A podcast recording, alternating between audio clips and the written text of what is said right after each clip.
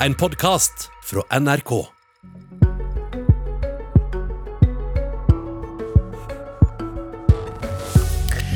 Finansminister Sanner vil bruke over 3 milliarder på billigere vin, sjokolade, brus og snus. Arbeiderpartileder Støre vil bruke over 3 milliarder på feriepenger til arbeidsløse. Hvem skaper flest nye, faste jobber av sine oljepengemilliarder? God morgen og vel møtt til Politisk kvarter. Landet har et budsjett, og i dag starter finansdebatten i Stortinget. Fremskrittspartiet ble tilsynelatende nokså motvillig med på en budsjettavtale. Prislappen 14 friske milliarder auser opp fra vårt felles oljefond.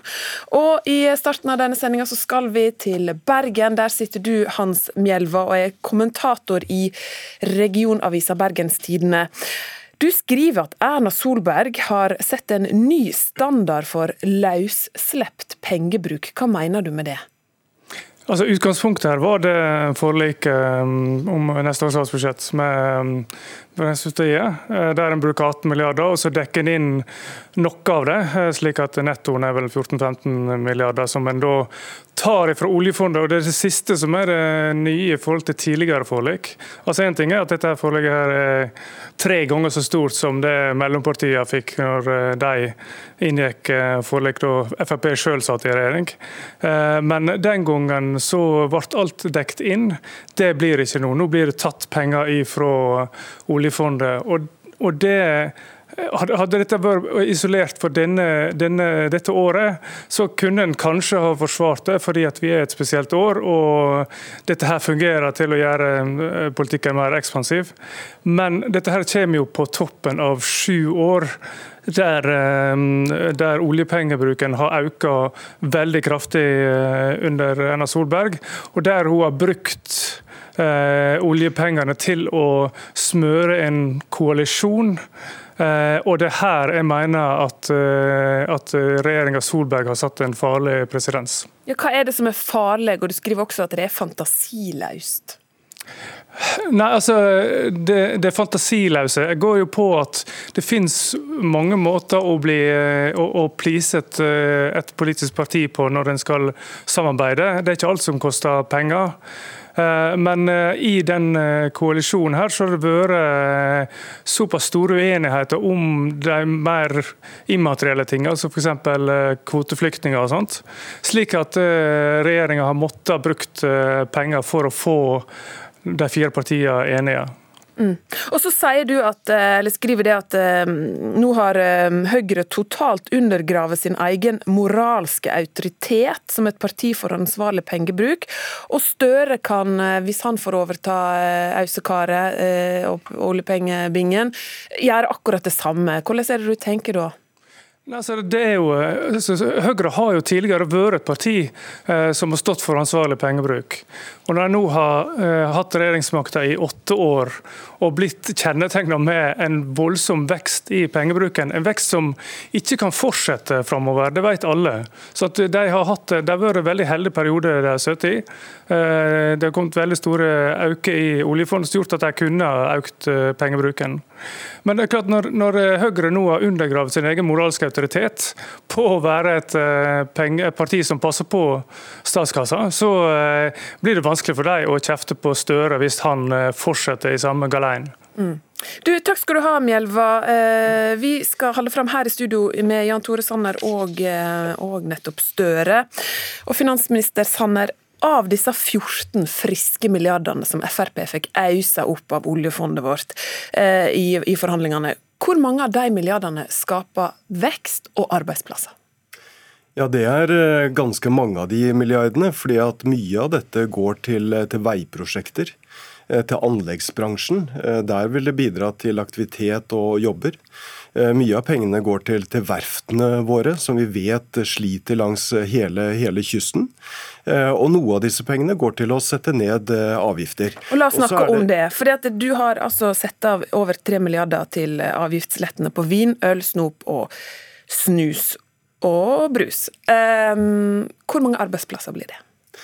Ja, Det gjenstår å, gjenstår å, se. Eh, så er det jo slik at Når en mindretallsregjering eh, skal få flertall for sitt budsjett, så sier det seg selv at da må du også imøtekomme kravene fra det partiet som man skal inngå avtale med.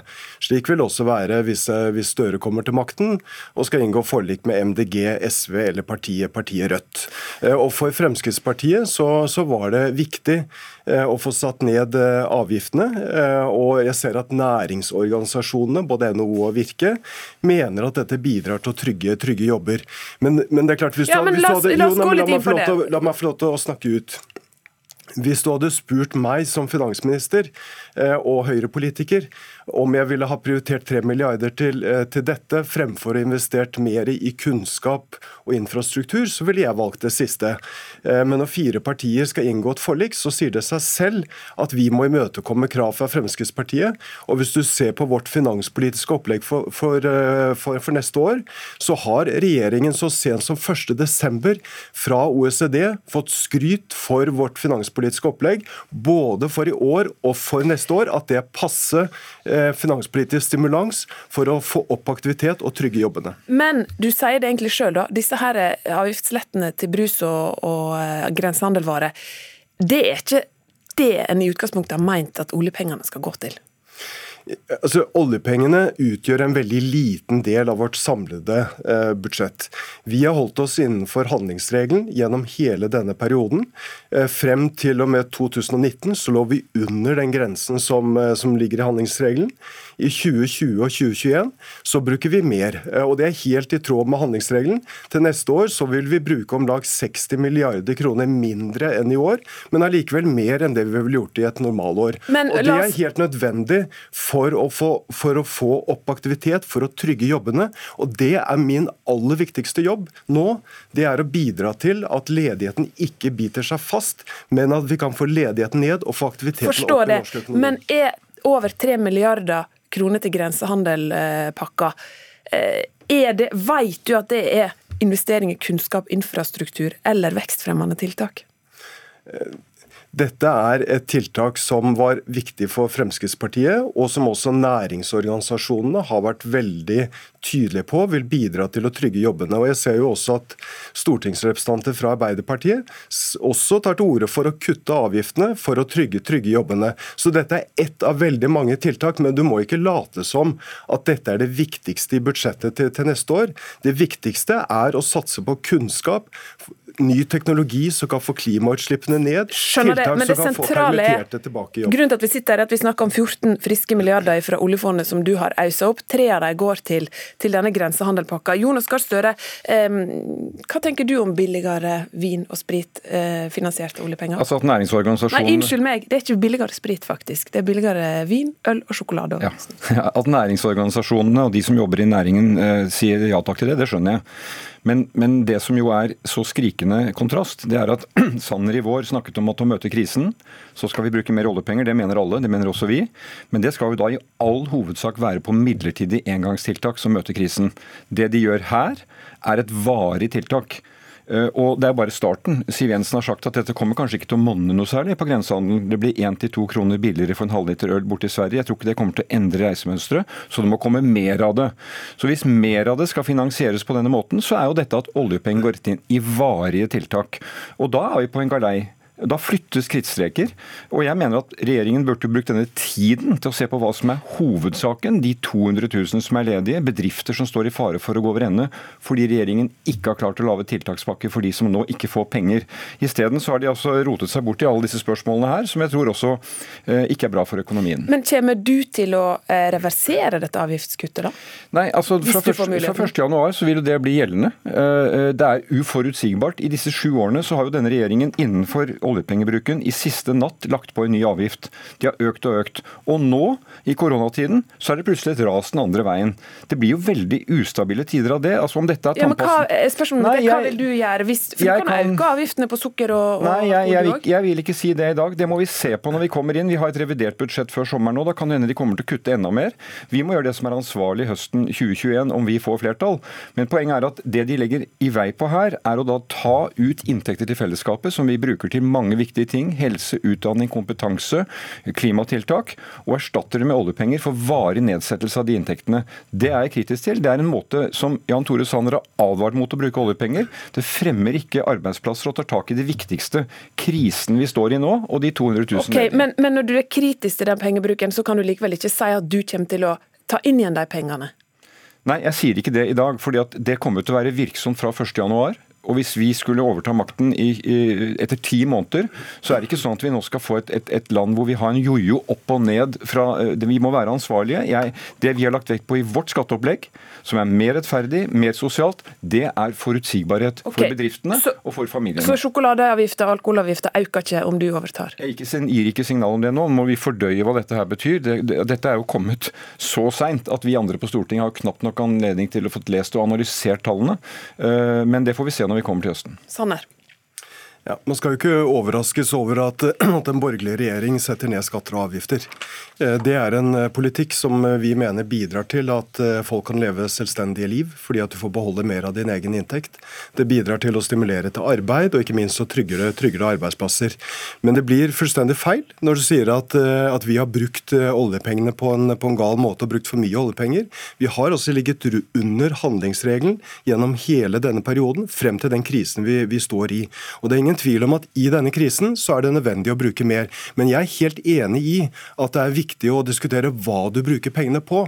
Fordi at like viktig som å bruke mer i krisesituasjonen, er det at du klarer å ta ned pengebruken etter hvert som aktiviteten tar seg opp. Og Der er det flere økonomer som er bekymret for at ingen av dere vil klare det. Men Støre, i, i starten av sendinga stilte du også spørsmålet hvor mange arbeidsplasser, hvor mye vekst blir det skapt av å gi feriepenger til de arbeidsledige, som det vil bruke over 3 milliarder på? Ja, Det er det to veldig gode grunner for. Det ene er ren sosial rettferdighet. De som nå har gått uten jobb, permittert i år, de kommer neste sommer 250 000-300 000 mennesker og opplever at feriepenger får de ikke. Da må de eventuelt ta fire uker Skjønner det, men er dette riktig bruk av ja, oljepenger? Det mener jeg er av to grunner. Det ene er at dette er midlertidig, fordi de ledighetstallene skal ned. Dette er ikke varig. Dette er med når vi har høye tall. Pluss at det er jo også bidrag til at folk kan betale ferie, reise på ferie, reise i Norge. Eh, så det mener jeg eh, oppfyller okay. det. Sanner, er du enig i det? Er det vekstfremmende tiltak å gi arbeidsledige feriepenger? Nei, men vi vet jo at det er et viktig krav fra, fra LO, som Arbeiderpartiet nå eh, oppfyller. Eh, jeg mener det er viktigere at vi bruker de pengene nettopp på å få, folk, få flere folk i, arbeid. Bruke de pengene til å sikre at folk får mer utdanning, øke kompetansen. Derfor så har vi også nå i denne krisen gitt folk som er arbeidsledige, som får dagpenger, mulighet til å ta utdanning mens de er ledige. Det er viktig at vi nå har to tanker i hodet samtidig. Både tiltak som kan bidra til å få ledigheten ned, få aktiviteten opp i denne krisen, samtidig som som vi møter de langsiktige utfordringene. og Derfor så satser vi så tungt på kunnskap, på kompetanse, på forskning, og ikke minst på å få klimautslippene ned gjennom ny, ny satsing. Store ord, Der er dere jo stort sett enige, Støre, men når vi ser i praksis på hva de oljepengene går til, ja, det, så sier jo Mjelva at det er begynt å bli helt er, fantasiløst. Ja, men Det er jo det som er diskusjonen nå. men, jeg, men Apropos det fantasiløse, vil jeg peke på en ting når det gjelder pengebruk og tiltak fra denne regjeringen og finansministeren. Vi fikk en kompensasjonsordning for de bedriftene som måtte kutte veldig ned pga. smittetiltakene. Eh, den kom, den kom, i gang på vårparten. I juni konkluderte man med at den kunne ikke fortsette. Skatteetaten kunne ikke håndtere den. Så visste man ganske sannsynlig at det kom en ny smittebølge på høsten. Den kom. Bedriftene hadde mye mindre å gå på, mindre penger i kassa, og de får problemer. Da sier regjeringen da må vi finne opp en helt ny ordning, og den har vi ikke klar. Og de pengene kommer ikke før langt ut på nyåret. Virke, NHO, sier at én av åtte bedrifter står i fare for å gå over ende. Dette skulle Jan Tore brukt Sanner brukt tiden på. Dette hadde fremmet arbeidsplasser, hindret at bedrifter, utelivet i Oslo, Bergen byer går over ende fordi det er strenge smitteverntiltak.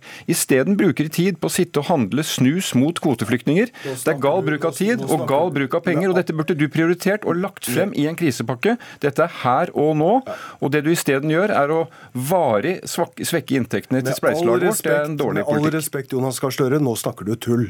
Vi hadde kontakt med Se på deg selv. Se på deg selv. Hadde, det er ikke tull for de som står i dette. Vi hadde, vi hadde kontakt med LO, NHO Virke gjennom hele sommeren og utover høsten for å diskutere hvilke tiltak vi skulle ha for å møte den situasjonen vi nå har i høst og utover, utover vinteren. Eh, da ble vi enige om at først skulle vi få en pakke knyttet til reiseliv Det hadde vi på plass. Men så kom den nye smittebølgen, Det eh, og da utvidet vi eh, kompensasjonsordningen. Eh, Den Klokka tikka Sanner. Den er nå på plass, og pengene kommer i januar. Vi har en romsligere og bedre ordning enn både Sverige, Danmark og Finland. Men du er for sent ute med ordningen, og det går utover over bedrifter i dag som går over er ende. Takk for at jeg kom i studio, Jan Tore Sanner. Jonas Gahr Støre med oss fra Bergen var Hans eh, Mjelva i Bergens Tidende. Mitt navn er Ingunn Solheim. Du har hørt en podkast fra NRK. Hør flere podkaster og din favorittkanal i appen NRK Radio.